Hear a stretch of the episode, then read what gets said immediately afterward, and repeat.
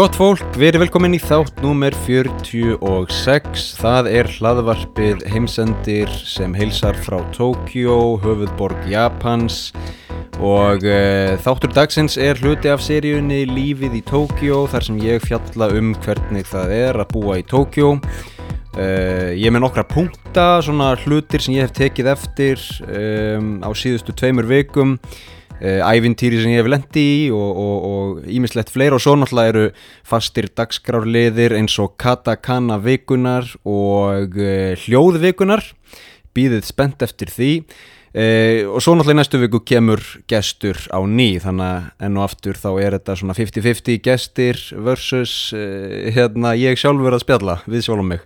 Uh, ég er ekki alveg aðleitt hérna Tito Kötturinn liggur á borðinu hann er andlegur stuðningur og já það er eins gott af því að ég bara hérna er að bráðuna sko sem sagt Ég hef minnst á það í síðustu þáttum að regntímabilið var í, í Japan í júni.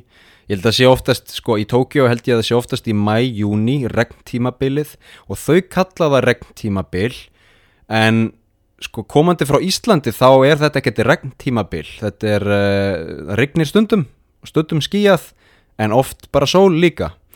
Uh, smá raki og svona og Það einu sinni kom smá þrjumu veður, um, ég hef mikið áhuga á því, mér finnst mjög gaman að heyra í, í hérna, þrjumum og sjá jafnvel eldingar.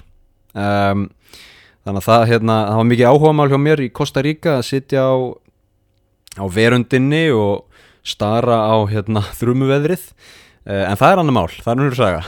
Sem sagt, það sem ég er að reyna að segja er að regntímabilið er búið og sumarið er hafið hérna í Tókjó og það er rosalega heitt. Ég held að sko Íslendingar átta sig ekki á því hvað uh, meginland Japans eða þess að megin eigin Honshu, stærsta eigin uh, þar sem Tókjó er verður heitt. Um, núna er, skal ég ekki segja 28. júni þegar ég er að taka þetta upp og uh, og það er 35 stega hitti og 60% raki enn og aftur komandi frá Íslandi þá veit maður ekki alveg hvað raki og svona rakastig þýðir uh, ég veit til dæmis ekkert hvað rakastigið er á Íslandi, ég held að það sé mjög lágt en hérna í Tókjó er mjög mikill raki og það fer vist alveg upp í 80% rakastig í ágúst og hittinn fer upp í 40 gráður. Þannig að uh, ég er að brána og hérna ég er með uh, loftkælingu en ég slökti á henni til að taka upp hlaðvarpið þannig að ég mun setja hérna í sánu stofunni minni og uh, spjalla við ykkur.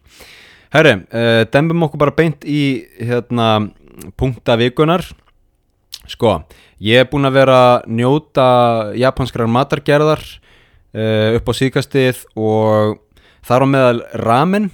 Það er nú til ramen á Íslandi ramen Momo held ég að heiti og svo náttúrulega Hai Noodle sem ég mæli með á frakastig held ég alveg um, ramen er sem sagt upprunlega komið frá Kína og uh, ég held að men þýði einfallega núðlur á japansku veit ekki hvað ra þýðir uh, kannski kínverskar núðlur getur verið.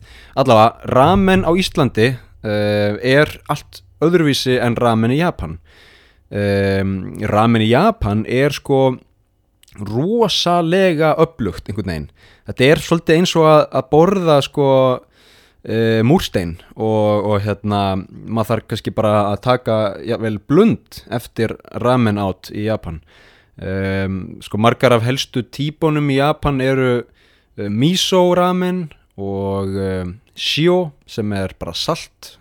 Það er svona oft hérna gagnsær um, broth, brothari sko hérna súpa gagnsæ súpa, salti og svo er hérna sojramen sojuramen sem er bara sojaramen allt á þetta sameinlegt að vera mjög salt og, og svona þungt svolítið í magan og jável, um, feitt uh, hérna, svínakjöt með einhvern veginn og, og mikil fita og veist, þetta er alveg bara eins og segja, þetta er eins og að borða bara múrstein og maður er alveg bara hérna, einhvern veginn, bara búin á því eftir það. En ég sess að fekk mér ramen og hérna fór svona að hugsa sko af því að, að því að almennt eru Japanir um, mjög langlífir langlíf þjóð, ég held að til dæmis japanskar konur ég bara met, heimsmet í því að hérna, lifa lengi meðaltalið auðvitað.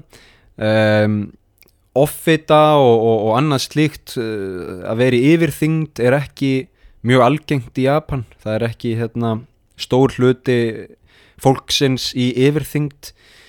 Þannig að sko ég var að reyna að leggja saman tvo og tvo. Býtu ramen sem er feitt og fullt af salti og hérna, spikfeitt svínakjött og, og, og núðlur og eitthvað svona.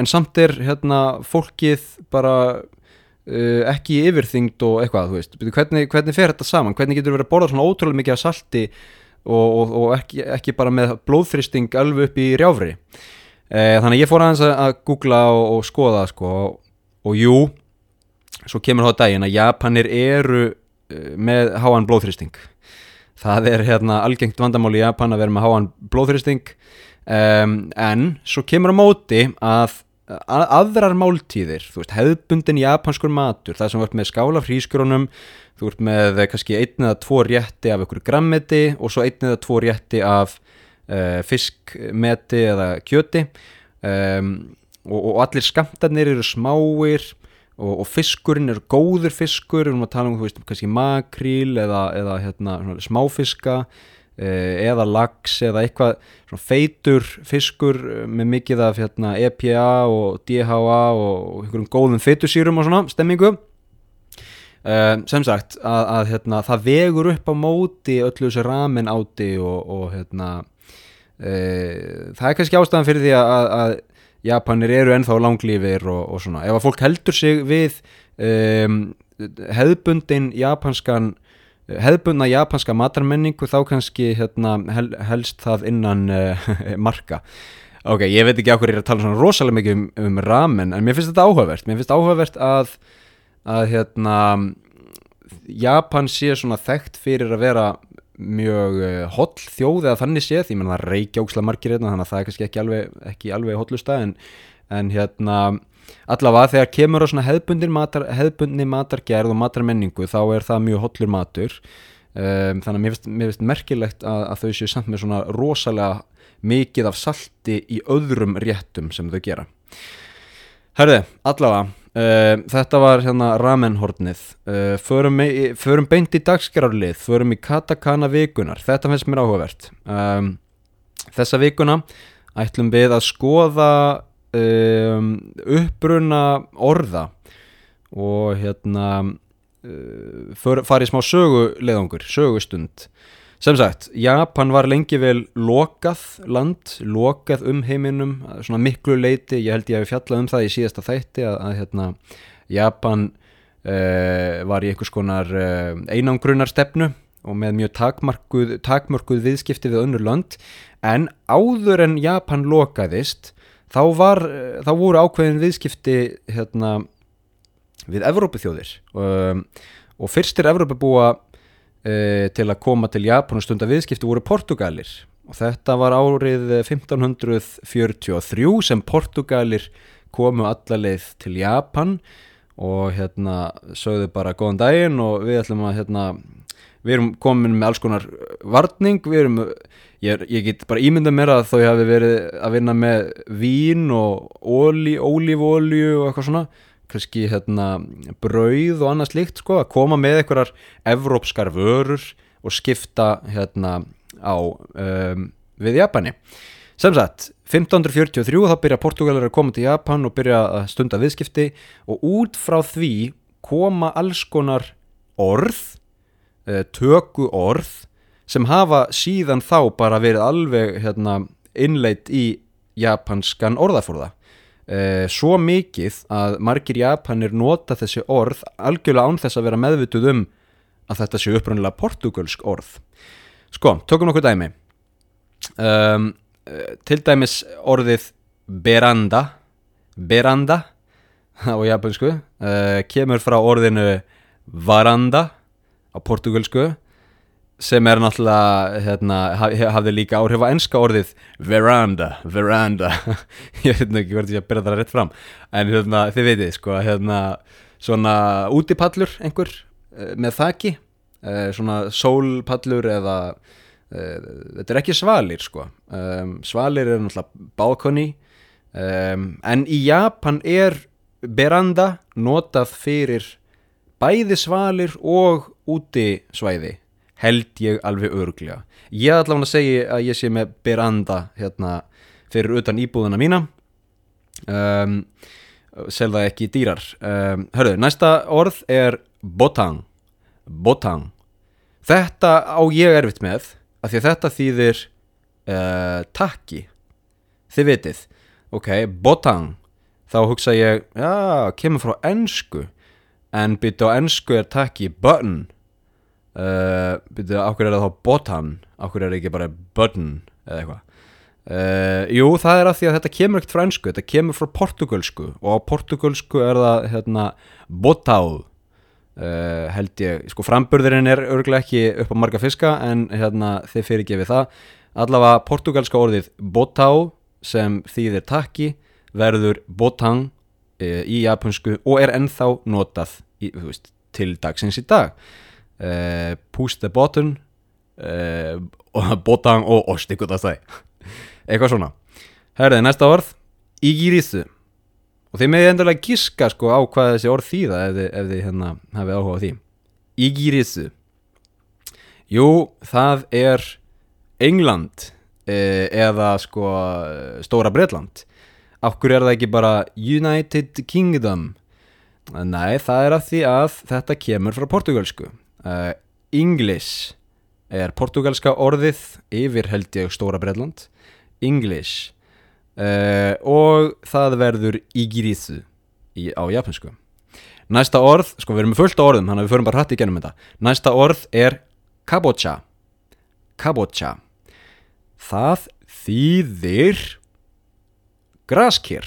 Uh, kemur frá portugalska orðinu kabocha nei, vá, nú, nú, nú fór ég með framburðin í rugglið, sko. Uh, kabocha, kabocha, ok, uh, ég veit ekki hvernig maður byrja þetta fram. Allavega, kabocha er graskýr. Herðu, næsta orð er orð sem fólk kannast kannski við. Það er orðið pang. Á japansku segjum við pang. Og þá fyrir fólk að hugsa, býtu, er það ekki spænska orðið yfir brauð? Jú, en það kemur ekki frá spænska orðinu yfir brauð, það kemur frá portugalska orðinu yfir brauð sem er pá, eða pá. Um, nei, ég er ekki að byrja þetta rétt fram. Uh, þetta er, þetta er, þið getur googlað þetta, þetta er hérna, þetta hljóman meir eins og pang. Uh, allavega, ok, ég, ég ætla ekki að fara hérna onni í einhverja framburðar gildru. Næsta orð er, uh, ja, allavega, sko, já, sest, klárum pann, mér finnst þetta merkilegt af því að uh, þetta er mjög mikið notað í Japan.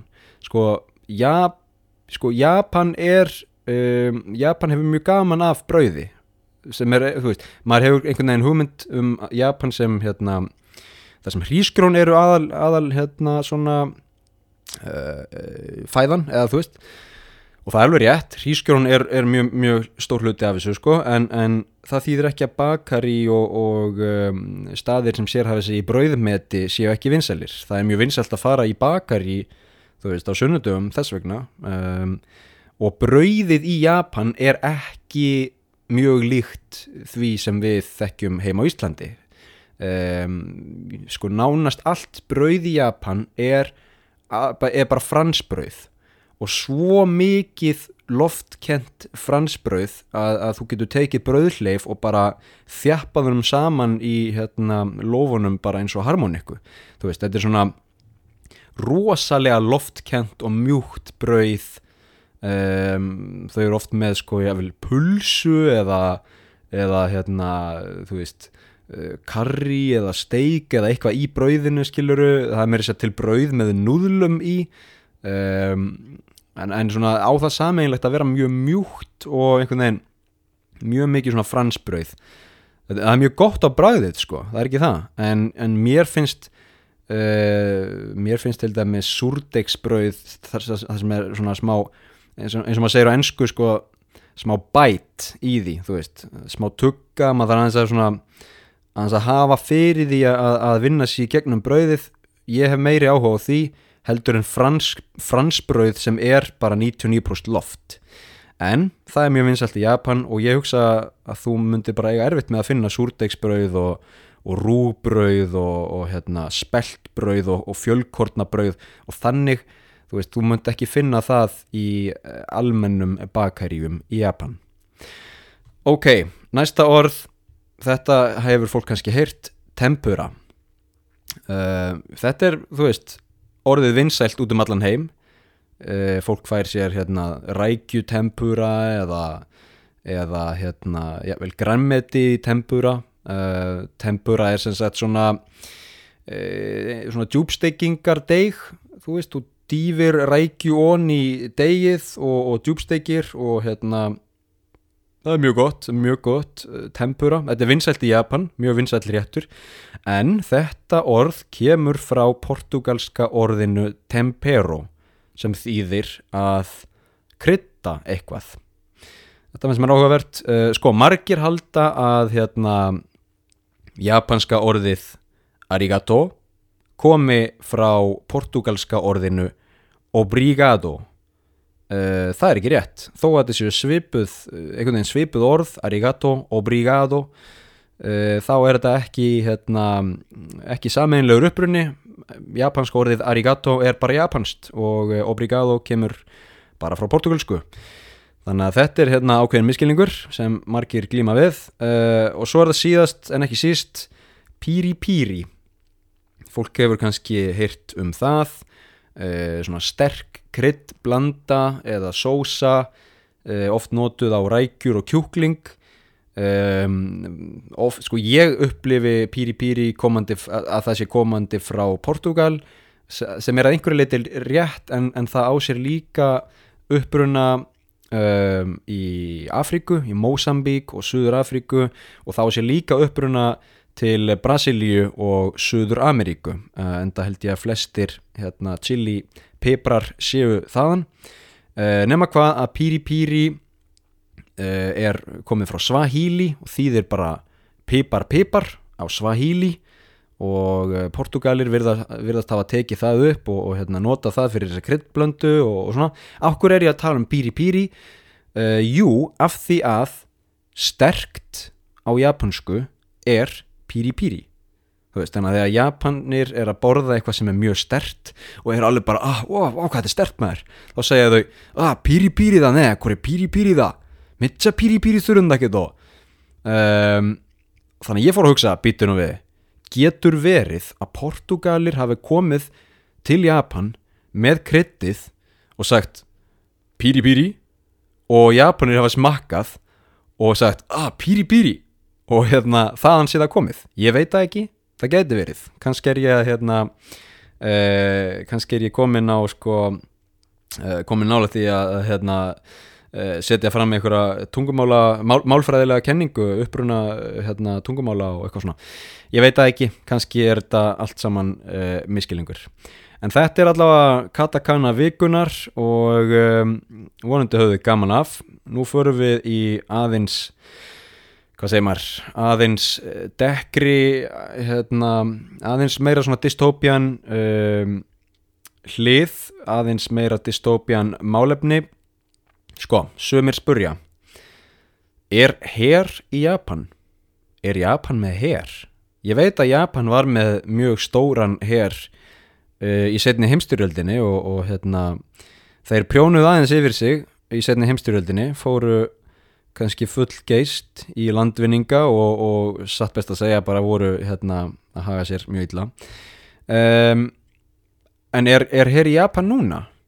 Nei, það er náttúrulega ekkert hér í Japan Japan hérna skrifaði undir um, nýja hérna e, hvað heitir það? Þið vitið, svona ekki sáttmáli heldur Constitution sem er uh, eitthvað á íslensku sem ég man ekki alveg hvað er stjórnaskrá eftir stríðið þar sem einn grein í stjórnarskráni segir að Japan má aldrei aftur eiga herabla eða beita herabla utan um, Japans uh, nema til að verja meginlandið, verja, verja sem sagt japansku eigarnar. Þannig að Japan má ekki eiga her sem er í einhverjum um, special military operation uh, eins og við þekkjum annar staðar en í kringum Japan það er að segja annar staðar en til að verja Japan. Þannig að Japanir uh, fóru fljótlega eftir stríð að, að, að hérna, uh, sapna saman liði í einhvers konar svona lögreglu lið, svona herrlögreglu og, og voru komin með hérna, marga tugi þúsunda uh, lögreglu þjóna í þetta lið. Og síðan einhvern tíman 1970-1980 ég veit ekki alveg hvernig það er en þá, þá svona aðeins breyttu þau til þetta er ekki lengur lauruglulið þetta er Self-Defense Force sjálfsvarnar lið sem heitir uh, núna Japan Self-Defense Forces uh, JS uh, DF skamstöðunin og hérna Japan segir ennþá nei, nei, nei, við erum ekki með hér við erum bara með sjálfsvarnarlið um, hversu stórt er sjálf, sjálfsvarnarliðið okkar? Er það að spyrja um það? Já, ok, byrju það er svolítið stórt, sko. Um, það eru 250.000 herrmenn það eru 1.000 herrflugvelar og, og hérna eigum við flugmóðurskip? Um, já, við eigum fjögur svona þyrlumóðurskip eða svona, já, flugmóðurskip fyrir þyrlur og við erum að breyta tveimur af þeim í flugmóðurskip þannig að jú, við eigum tvö flugmóðurskip um, en er þetta hér? Nei, nei, þetta er ekki hér, þetta er sálsvarnalið ok, ég, hérna, það sem ég reyna að segja er að um, upp á síðkastið eða svona frá kannski frá og með aldamótum þá hafa japanski stjórnmálum en aðeins breytt tólkun sinni á uh, því hvað er sjálfsvarnarlið og til hvers það er um, og, og aðeins svona far, farið að nálgast um, í raun að vera bara með her. Þó að, þó að sko, stjórnmálafólk myndi aldrei segja bara já þetta er her. Og okkur langar að gera herin mjög öflugan. Um, þau myndi alltaf tala um sjálfsvarnarlið.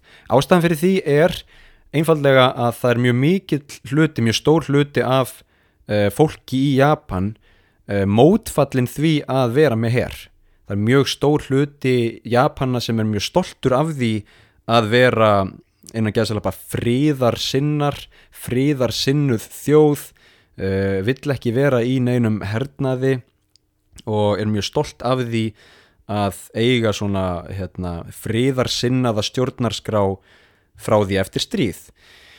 Eins og ég segi, frá aldamótum 2000 þá hefur hérna, sérstaklega hjá stjórnmálumönum þá hefur þetta aðeins verið að breytast og fólk er aðeins verið að hérna, mála skrattan og vekkin með sko samband og, samband og tengsl Japans við aðrar þjóðir.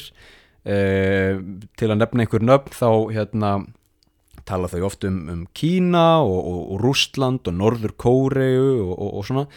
Um, og, mögulegar hættur, mögulegar ógnir frá þessum löndum. Um, og eru svona nota þessar mögulegu ógnir að einhverju leiti til að réttlæta uh, hernaðar uppbyggingu í Japan. Þannig að upprunnilega spurningin er her í Japan, til að svara því þá er svarið já. Það er her í Japan, uh, þó hann heiti ekki her, þá er þetta 50 upplugasti her í heimi hann er upplugri en uh, öll Evrópuríkin uh, eða herir allra Evrópuríkjana um, það er meiri segja herstöð Erlendis, það er herstöð í Djibouti í Afríku þar sem Japanir eru með eitthvað í kringum 200 hermenn. Um, þannig að já, þú veist, þetta er bara í öllu nema nafninu til þá er Japan með mjög stóran her.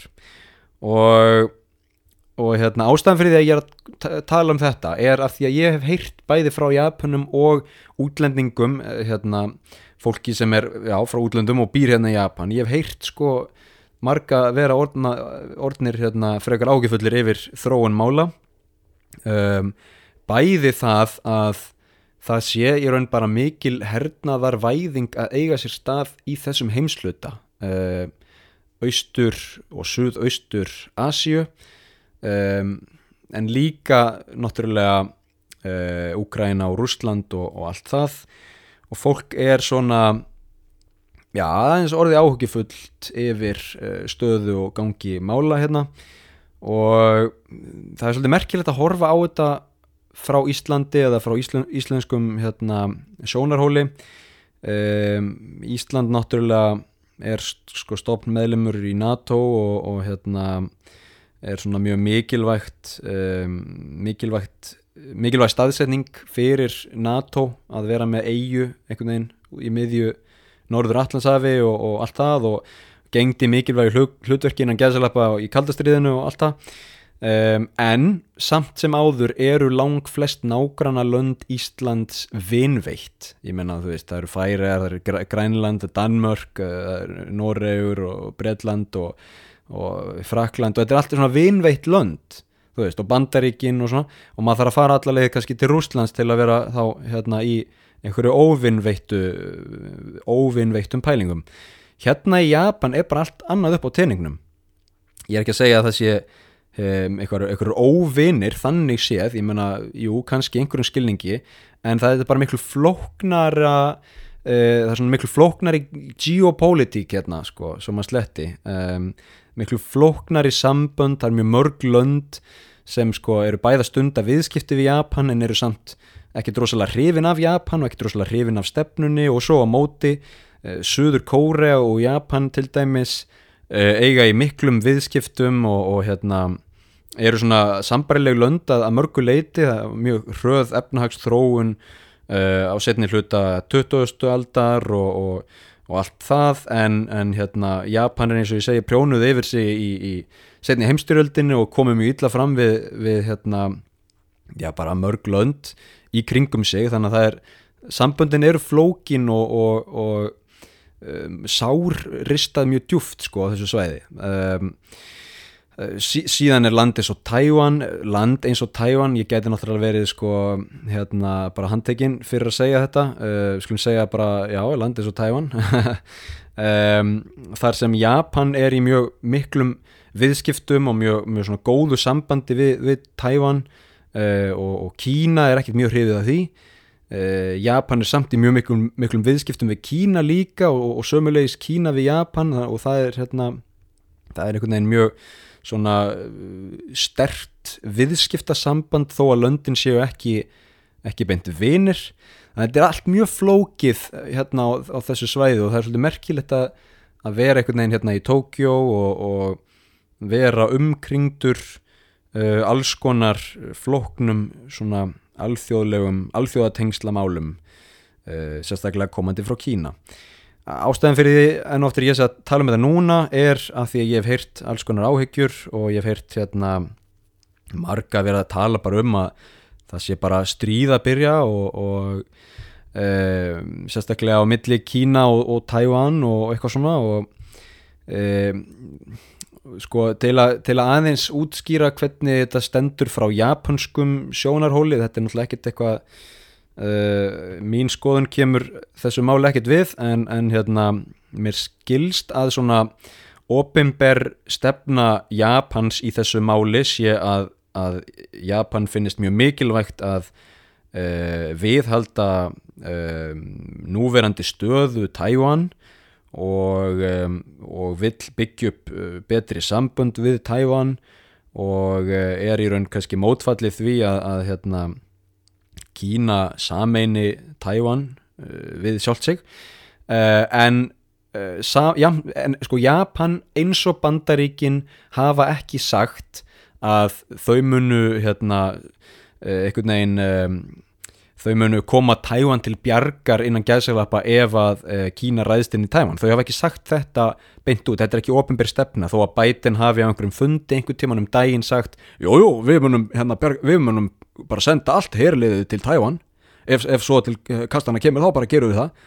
Uh, þá er það ekkit ofinbér stefna, ég held bara Biden hafi mist þetta út úr sér Um, þannig að hérna, Japan og, og Bandaríkin eru svona einhvern veginn á hlýðarlínunni þau eru með svona svolítið óljósa stefnu þau vilja ekki segja, jú við munum uh, hérna, lýsa yfir stríði á, á hendur Kína ef að, ef að Kína uh, reynir að samena Tæwan, þau segja það ekki en þau segja heldur ekki að þau munu ekki gera það, skilur, þannig að þetta er svona allt mjög loðið og skrítið og, og flókið.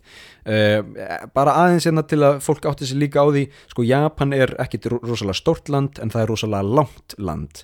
Það næra eiginlega alveg frá Kamchatka skaga í Rúslandi niður til Taiwan uh, og, og eigjan sem er næst Taiwan frá Japan heitir eh, Yonaguni og er bara 111 kílometra frá uh, Taiwan. Þú veist þannig að það er japansk eiga 111 kílometra frá Taiwan. Um, hvaða merkingu hefur þetta, hvaða þýðingu hefur þetta?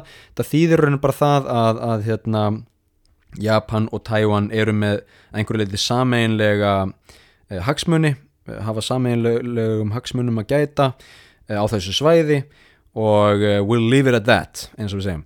Um, en sko og svo, svo, spyr fólk hérna byrju ef að Úkraina og Rúsland eru, eru í þessu stríði og Rúsland er að ráðast inn í Úkrainu akkur, akkur er þá ekki alveg eins líklegt að Kína sé að fara að ráðast inn í Tævan um, sko enn og aftur ég er engin sérfræðingur í þessum málum og ég veit svo sem ekkert um, ekkert hvað verður. Maður náttúrulega getur ekki séð inn í framtíðana en ég get ímynda mér og ég hef aðeins verið að kynna mér þetta því að eins og ég segi, fólk hérna í þessum heimsluta er svolítið að pæli þessu uh, þá hef ég verið að kynna mér málið og, og ég, mér finnst það ólíklegt að, að hérna uh, já, Kína mun einhvern veginn hérna með, með uh, valdi sameinast Tævan sko það eru til alls konar kenningar. Sko einn kenning er í raun að, að hérna, það sé bara of erfitt. Þó að kínveski herin sé mjög öflugur þá hérna er uh, Tævan sund á milli Tævan og Kína og það er rosalega erfitt að stundast líkan hernað þar sem þú þarfst að hérna, endur taka bara D-Day úr setni heimstyrjöldina og setni heimstyrjöldina og lenda mörg þúsund ef ekki mörgum tögum þúsund hermanna á ströndina undir hérna sko skot, skota hríð, skot hríð frá um, óvinninum mjög erfiður hernaður uh, þannig, þannig að margir á að þetta sé uh, ólíklegt uh, Kína sé ólíklegt að reyna þetta af því að, að, því að það hérna, myndi einfallega kosta of mikið. Ekki bara þegar kemur að peningum heldur hinnu líka.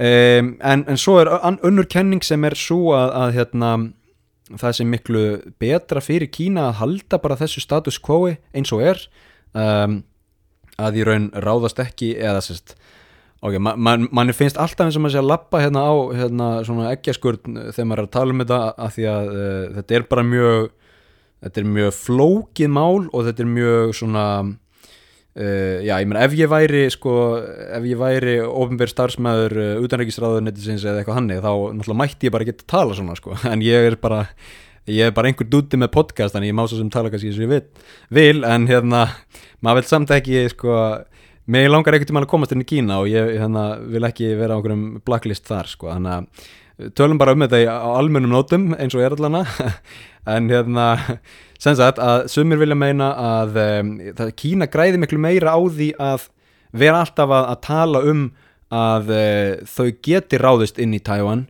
og geti samin að Tævan með valdi en að gera það ekki, þú veist, þetta er bara svona tromp í erminni, bara við getum gert þetta um af því að eins og við vitum þá er ekkert upplugra saminningar afl heldur en saminlur óvinnur þú veist. Uh, jú, jú, vonandi er eitthvað upplugra saminningar afl en það. Ég meina, annað væri svolítið le leitt, en þið viti hvað ég við. Það er svona að vera með saminlegan innan geðsalappa óvinn uh, er oft gott uh, fyrir hérna, stjórnmálfólk sem vil hérna, misnota einhvers konar þjóðverðnis kent og, og hérna, ala á, vil einhverju uh, hatri eða eitthvað svona, æði þið viti ok, allavega, hérna, droppum því. Síðan er þriði ástæðan sem er einfallega svo að, að Kína er miklu sko um, það er, það er miklu spilar miklu stærri rullu í alheims hagkerfinu heldur en Rústland gerir. Sko, ef við skoðum uh, stærstu tíu viðskipta aðila Kína þá eru mjög margir um, svona innan gæðsala bara hliðhollir Eh, status quo og hliðhollir jáfnvel bandaríkjunum. Sko, númer eitt stærsti viðskipta aðili Kína uh, eru bandaríkin þú veist. Þannig að uh, ef að Kína myndi saminast Taiwan með valdi á mjög líklegt að það er því hérna, myndi hafa neikvæð áhrif á viðskipti við stærsta viðskiptafélagan sem er bandaríkin. Númer tvö eru Hong Kong um, sem er undir Kína í raun, þannig að hérna, það er kannski bara hluti af Kína, ég veit það ekki. Uh, Númer þrjú er Japan, enn og aftur hliðholt Taiwan innan geðslega bara hliðholt bandaríkjónum, þú veist þannig að uh, síðan kemur Suðu Kórea í fjórðasæti uh, ég er að tælu upp lista yfir sagt, stæðstu viðskipta aðeila Kína Vietnam í fymtasæti Þískaland, Holland Indland, Bredland og síðan í tíundasæti Taiwan. Þú veist, þannig að ef að það erði eitthvað, eitthvað stríð í þessum heimsluta þá er mjög líklegt að já bara, þú veist, alheims hagkerfið myndi bara einhvern veginn molna niður. Þannig að ef að valmöguleikarnir eru viljum við halda áfram hagvexti, viljum við halda áfram uh, viðskiptum eða viljum við uh, fara í einhvern stríðsregstur þú veist, þá þá maður bara spurja sig skiluru um, á hverju græðum við mest ég veit það ekki veist, um, það er rosalega erfitt að hugsa um stríð í, í svona uh, þú veist að setja stríð upp sem einhver svona tableik, einhverja skák en ég get ímynda mér að, að einhverjum hérna tímapunkti eða á einhverjum vettvangi sé það nákvæmlega það sem þessar stóru þjóðir er að gera Herri, ok, nógum svona stríð, stríðistal uh, ég, ég vona bara að þetta, ég vona bara að uh, það sé ekki neitt stríð að fara að brjótast út hérna í uh, Austur Asju Herri, kíkjum á hérna hljóðvikunar, þetta er uh, mjög áhugavert. Ég var sem sagt í því sem heitir veiðiferð um helgina, síðustu helgi og um, ég hérna fór til Ísu sem er skægi, sunnan af Tókjó þetta er svona tveggja tíma bílferð. Við erum að tala um hvítar strendur alveg svona Uh, blár heiminn, blár sjór kristaltær kristaltær uh, sjór. Og hérna ég veitti svona hérna pufferfisk. Ég veit ekki hvað það er á íslensku. Þið veitir svona lítill, lítill fiskur sem sem hérna blæs sjálfan sig upp eins og bladra ef að honum er ógnað. Og Japanir borðan en uh, þú þart að vera sér þjálfaður í að uh, gera að þessum fiski af því að ef að eitthvað smitast úr held ég að sé livrinni eða eitthvað skiluru þá deyrðu. Þetta er svona fiskur sem þú deyrð ef að hérna, þú borðar og hann var ekki meðhundlaður rétt ég hugsa að ég borða hann ekki og ég hérna, slefti náttúrulega bara fiskinum en það var hann pínu lítill en það var gaman að sjá hann, svona, sjá hann og hann blési upp eins og bladra og var mjög krútlegur uh, greið. Þannig uh, ég slefti hann bara aftur og, og það var mjög gaman. En það sem ég ætlaði að tala um er sagt hljóðvikunar Ég var hérna í Ísu og klukkan 11 á sunnudaginn þá allt í hennu fór ég að heyra eitthvað hljóð. Um, Það var eins og að verið verið að spila eitthvað lag úr hátalarkerfi uh, bara í næstu götu. Og ég svona kíkti á, á síman og sá, jú klukkan er 11.00 Þetta minnir mann nú bara á sko Hallgrímskirkjuturn á... Um, sunnudags morgni í Reykjavík. Ætla þetta að sé eitthvað messukall eða hvað er að gerast þetta hérna? Nei, ég fór að googla og þá er vist svona uh, hátalarkerfi notað víða í Japan sérstaklega kannski á stöðum þar sem er mikið um jarðskjálta og uh, flóðbylgjur. En þetta er sem sagt notað til að vara fólk við einhverjum hættum. Um þannig að þetta er, eh, þetta er bara eins og við, við, við erum með svona Íslandi sko þetta hérna, er kannski ekki alveg jæmt dreift en ég man eftir því ég var að alast upp í hlíðunum að stundum fór í gang einhverju svona loftvarnar sírenur um, ég man eftir því og hérna einhverja æfingar. Þannig að þetta er eitthvað svona eitthvað varnarkerfi, einhverjar hátalarar um, og um, Uh, skal ég ekki segja uh, en, en sem sagt á þessum degi klokkan 11 og sunnudegi, síðasta sunnudegi þá var ekkert að gerast, það var engin flóðbylgja það var engin jarðskjóldi uh, okkur voru þau þá að spila lag og okkur var það klokkan 11, ég veit svo mikið af hverju það var klokkan 11 en þau gera þetta víst af og til spila svona í gegnum hátalarina um, til að prófa hvort að allt virki rétt. Um, þannig að hérna Ég ætla að spila þetta fyrir ykkur, reyndar er þetta ekki það sem spilast klukkan 11, þetta er það sem spilast klukkan 5, sem sagt uh, rétt fyrir kvöldmatt og þetta er vist mjög frækt í Japan, uh, þau spila þetta lag enn og aftur til að kanna hvort að hátalarkerfi virki ekki alveg öruglega, en líka til að segja börnum að nú sé komin tími til að pakka saman og fara heim, hætta að leika, þú veist, krakkarnir er á róló og eitthvað svona og svo kemur þetta lag og þá vita krakkarnir, hörru klukkan ánum 5 við verðum að hætta að leika og, fara heim hérna því að það er að koma matur og, og það er líka að koma myrkur allavega, ég ætla að spila þetta lag fyrir ykkur, gjur það svo vel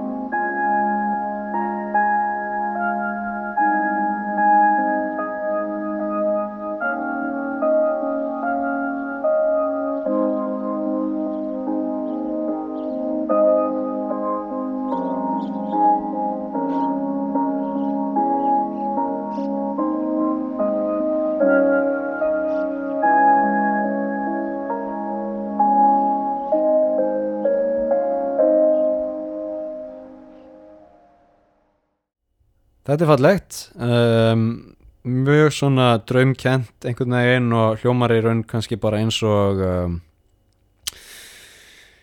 oh, maður verður svo lélegur í íslensku þegar maður er ekki að tala hana á hverjum degi. Uh, Lullaby á íslensku er um, vögguvísa. Þetta hljómar svolítið eins og vögguvísa. Og hérna uh, ég get ímynda mér að, að hérna, ef það kæmi skiluru jarðskjálti eða flóðbylgja eða eitthvað þá eru þau ekki að fara að spila þessa vögguvísu eða þetta lag, þau eru náttúrulega að spila eða þú veist þá bara kemur tilkynning bara þetta er að gerast, vinsalegast forðið ykkur gerið þetta, gerið hitt. Uh, einhverja leiðbenningar um, ég hef eins og lendið í sko ég margóft lendið í að, að hérna, verða vitni að jarðskjálta í Japan. Uh, þeir eru ekki, ekki, ekki daglegt brauð en þeir eru algengir. Um, og ég hef einu sem lendið í að fá svona neyðartilkynningu í síman og það var þannig að ég var bara í fríi þetta var 2018 ég var á tíundu hæð í einhverju hóteli og um, ég bara man ekki hvað ég er að gera ég er bara eitthvað að chilla sko. Og svo bara einhvern veginn byrjar símin að ylfra, hann, hann bara er á borðinu hann byrjar að týtra alveg dansandi trilltur og, og hérna það kemur hljóð úr símanum sem er miklu hærra en ég hef nokkuð tíman heyrt. Þið veitir þú veist ef þið eru að hlusta til dæmis á þetta hlaðvarp í símanum og þið eru ekki með heyrnatól heldur eru þið bara með hátalaran á símanum eða í símanum og stilla hann í botn. Þetta var miklu hærra en það. Þannig að það er eins og það sé einhver svona neyðarstilling á símanum sem keirir uh, hljóðið bara upp um sko 200% allavega síminn bara öskraði. Það er jærskjálti, það er jærskjálti uh, hann er hérna sjökoma eitthvað á ryktur og bara hérna veist, og síminn bara alveg öskraði og, og hérna það var rosa creepy sko það kom einhver svona tilkynning og svo kom hérna hvernmannsrödd og sagði bara það er jærskjálti, hann er þetta mikið hann, upprunni hans er þetta hérna, þetta mikið kílometra frá þessu bla bla bla bla bla. Vinsanlegast fórðið ykkur um, og sko blessunlega var ég á svæði þar sem einu áhrifin voru bara að byggingin fó bara, bara hérna, sveiblast fram og tilbaka og ég náttúrulega var á tíundahæð það er ekkert með að við það að vera á 7000 hæð eða eitthvað skiluru en, en hérna maður var á tíundahæð og byggingin var að sveiblast alveg og, en annað en það þá gerist ekki neitt. En hérna uh, þetta var áhugavert af því að uh, maður hefur heyrt sko að Japan sé með eitt besta svona örli uh, viðvörunarkerfi svona uh, en oftur, ég kann ekki lengur íslensku en svona, já, örli viðvörunarkerfi. Og sé mjög öflugt í jarðskjálta og flóðbylgu viðvörunum en það er, það er frekar algengar hérna í uh, landi hinnar rísandi sólar. Um, sko, ég hugsa að við séum bara fljótlega að vera góð í dag en það er, ég er búin að spjalla mjög mikið. Um, smá bara update, smá svona hvað hérna ég er búin að vera að gera síðustu daga.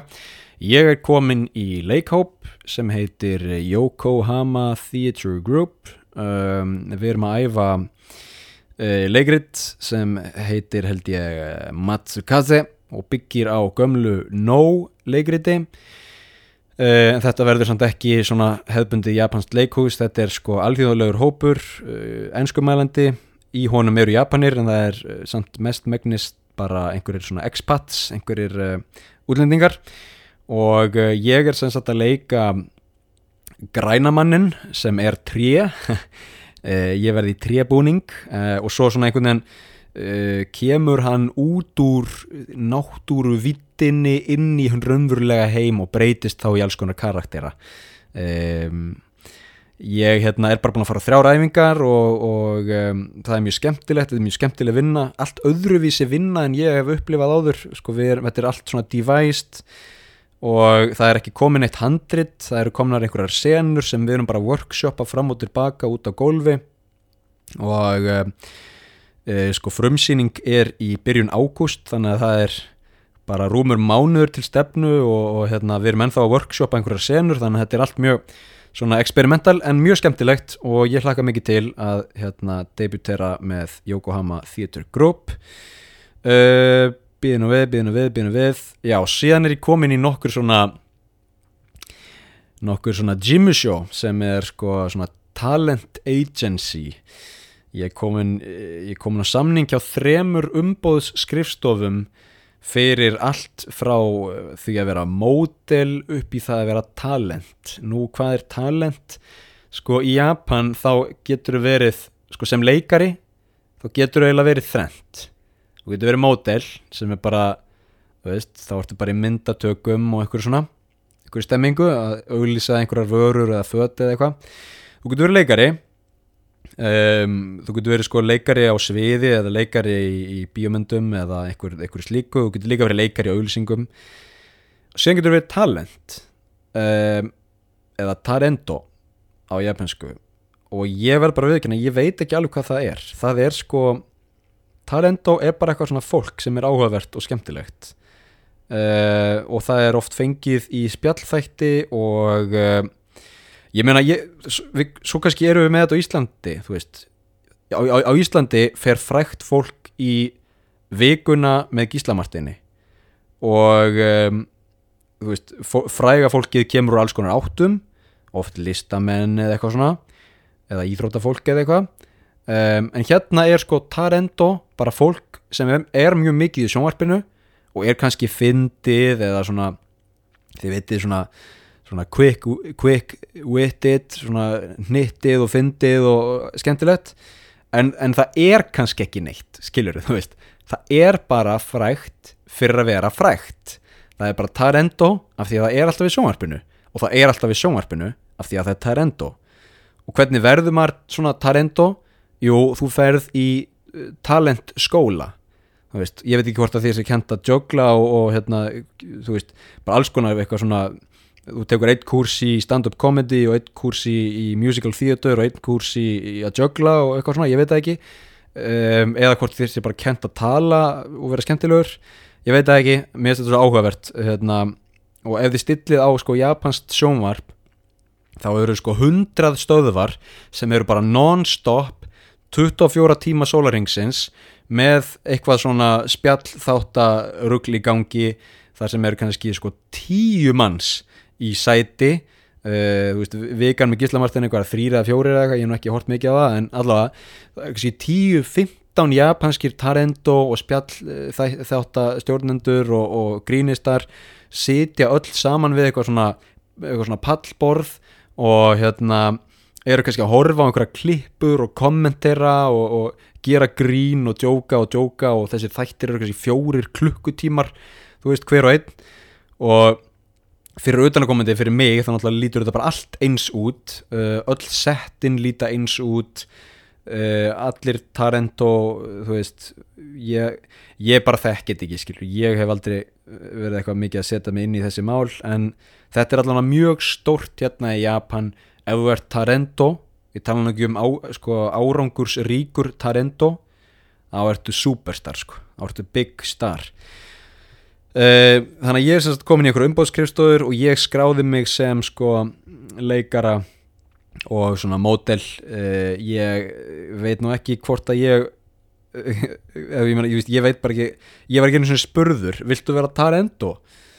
Ég veit ekki hvað ég myndi gera skilur fari einhvern japanskan spjallþátt og vera eitthvað að djóka gæti verið, ég gæti kannski leikið hérna simpansa, ég er mjög góður í því. Um, eða sér ég með menna það. Uh, það er annar mál. Um, hörru, ég heldur sem nokkuð góð, það er svona tvö loka atriði hérna. Uh, digg, digg, digg, sko ég hef verið mjög mikið að ferðast um Tókjó uh, vegna alls konar vinnu. Ég hef búin að fara í hérna, eina svona myndatöku eitt svona verkefni. Ég hef búin að fara sko ég þurft að fara á þessar umbóðsskrifstofur eðlilega og láta mæla mig og, og hérna, skrifandi samning og eitthvað svona. Um, og síðan er ég hérna bara búin að vera að hitta fólk líka. Þannig ég er mjög mikið búin, búin að vera að ferðast um Tókjó og maður sér oft á lestarstofunum og bara víðar á gödunum um, krakka að vera að koma heim úr grunnskóla. Og japanskir krakkar í sko, skólabúning er bara mjög krútlegt. Uh, sko, skólabúningar í Japan er, er hérna, eitthvað þeng veist, þegar ég var í, í mentaskóla 19 ára eða 18-19 ára hérna, þá var ég í skólabúning. Hann var ekki mjög flottur. Það var svona bindi sem var ekki alveg bindi, við veitum, það var svona tegja bara, veist, það var bara tegja uh, þannig þarf ekki að binda neitt bindi snút og var bara að smetla tegjunni á þig og eitthvað svona. Og þetta var alltaf stór skólabúningur og hann var bara ekki mjög töf um, en litlir krakkar hérna, við erum að tala um þú veist bara 6 ára, 7 ára þau eru í skólabúning eins og, eins og þau séu bara klift út úr einhverju stúdíu Ghibli mynd sko. þau eru með svona gulan hatt og í hattinum er svona stráhatt og í hattinum er kannski fjöður og svo eru þau í svona háum sokkum og, og hérna hlaupandi um eitthvað og veist, þetta er bara hérna maður er bara, byrju er það skólabúningur eða er þetta búningur úr Ghibli mynd uh, allavega, þau eru mjög krútleg um, og svo er líka annað sem er bara klift úr hérna, Studio Ghibli mynd. Um, það er að sko það er mjög vinnselt ég er oft í hérna, almenningsgarðinum að, að hlaupa. Ég er svona aðeins aðeins farin að æfa hlaupið aftur. Um, markmiðið er að taka hálfmarathon fljótlega. Uh, nema hvað að það er oft sko í almenningsgarðinum krakkar með kannski ömmu og afa að veiða fyririldi þú veist þannig að þau eru hlaupandi um með svona pínlítið svona plastboks og langan fyririldaháf og svo kannski stráhatt og eru að hlaupa um hlæjandi og veiða fyririldi og maður bara veist, þetta er bara úr bíómynd sko, þetta er bara sena úr Studio Ghibli bíómynd. Um, en Nei, nei, nei, þetta er ekki sen úr bíómynd. Þetta er bara Tókjó þetta er bara Japan Svona getur eh, Japan verið uh, merkilegt æfintýra heimur. Uh, síðast en ekki síst eitt áhugavert sem ég tók eftir það er það að hlutabref í Japan eru öfug. Hvað á ég við með því? Sko ég hef ekki hlutabref í Japan en sérinn uh, á hlutabref í Japan og það er kona mín sem sagt. Og uh, hún var að sína mér uh, stöðuna og hérna hún var uh, veist 15.000 krónur í pluss og pluss 15.000 kallinn var rauður. Þannig að hún var, þú veist þetta er algjör snilt maður, serðu ég er hérna 15.000 upp. Og síndi mér og þá var 15.000 skrifað með rauðu. Og síðan hérna daginn eftir þá refressa hann og þá herðu, þetta er búið að fara niður með ég er mínus 11.000 og hérna þá sínur mér mínus 11.000 í grænu. Og maður bara, veist, býtu er raukt gott en grænt slæmt? Það er öfugt. Veist, þannig að hérna sem maður. Þetta er hérna, er þetta ekki eins og þegar sko klósettið eh, sturtar í þú veist, réttsælis en rángsælis í Ástralíu eða eitthvað? Eða hvort það sé eitthvað mýta, ég veit ekki. Allavega, hérna, þarna sér maður sko að hinn vestræni heimur er bara heimsluti sko. Um, okkar heimsín er ekki algild. Uh, hérna í Austur Asíu veist, ég, held þetta, ég held að þetta sé saminlegt með Kína og Japan og kannski Kóreu að það er alls, alls konar symbolismi og, og, og, og hérna, litir og tákn og alls konar þýðir bara eitthvað allt annað. Veist, þannig að raukt, til dæmis í Kína þetta hef ég heyrt, þar þýðir raukt bara upp og áfram og bara sigur og metnaður og hérna, velgengni. Og þá kannski þýðir grænt bara eitthvað veist, eitthvað hérna, ósigur skilur allavega í Japan þá er hlutabriðin öfug og þetta fannst mér áhugavert að því að uh, þetta minnir mann á enn og aftur að uh, sko, þó að við séum vönði að vera einhvern veginn nafli alheimsins, miðja alheimsins uh, hérna, hinn vestranni heimur bla bla bla, þá erum við bara heimsluti og hérna það er sko margir menningar heimar og margir heimslutar utan hins vestranna heims þar sem hlutinir eru bara allt öðruvísi. Ef við horfið á Atlas hérna kort, heimskort uh, í Japan þá er Ísland ekkert í miðjunni sko, eða Bretland. Auðvitað er Japan í miðjunni skilur þau og þá þá maður bara byrju, ha, byrju, hvað er Ísland? Ísland er bara einhvern veginn upp í hægra hotninu, alveg ósynlegt skilur um, þannig að þú veist, maður verður líka að vera með þetta um að hérna, við sjáum hlutina frá okkar sjónarhóli uh, en það er ekkert þannig sem þeir eru endilega allstaðar í heiminum Það eru 56 mínútur er komnar uh, í upptökunni og ég held að það sé bara nokkuð gott. Ég vona ennu oftur að því að hafi bara gaman af þessu, uh, vonaði njótið vel. Takk fyrir að taka þátt í könnuninni sem ég setti inn á að heimsenda hérna, hópin á Facebook. Takk hella fyrir það. Uh, ef, ef þið eigið eftir að taka þátt þá er alltaf vel þegið að þið gerir það. Uh, ég minni náttúrulega á eh, Instagramið og, og hérna, Facebook-hópin og allt það. Ég heldur enda að flestir hlustendur séu nú komnir þangað inn. Þannig að ég veit ekki hvort ég vilja byggja um eitthvað greiða. Ég bara er þakklátur fyrir uh, að þið séu að hlusta. Ég er mjög þakklátur fyrir ef að þið hafið og, og, og að þið hafið dreift orðinu og sagt fólki frá heimsendi. Um, það er mjög hérna, vel þegið ef þið viljið gera meira því þá er það líka vel þegið en, en fyrst og fremst takk fyrir að hlusta Í næsta þætti verður gestur og síðan uh, vikun eftir það kemur aftur lífið í Tókjó. Ég byrða að hilsa, ég ætla að kveikja á loftkælingunni áður en ég bráðuna og fara kannski í rektina. Bestu kveður til Íslands, takk og bless.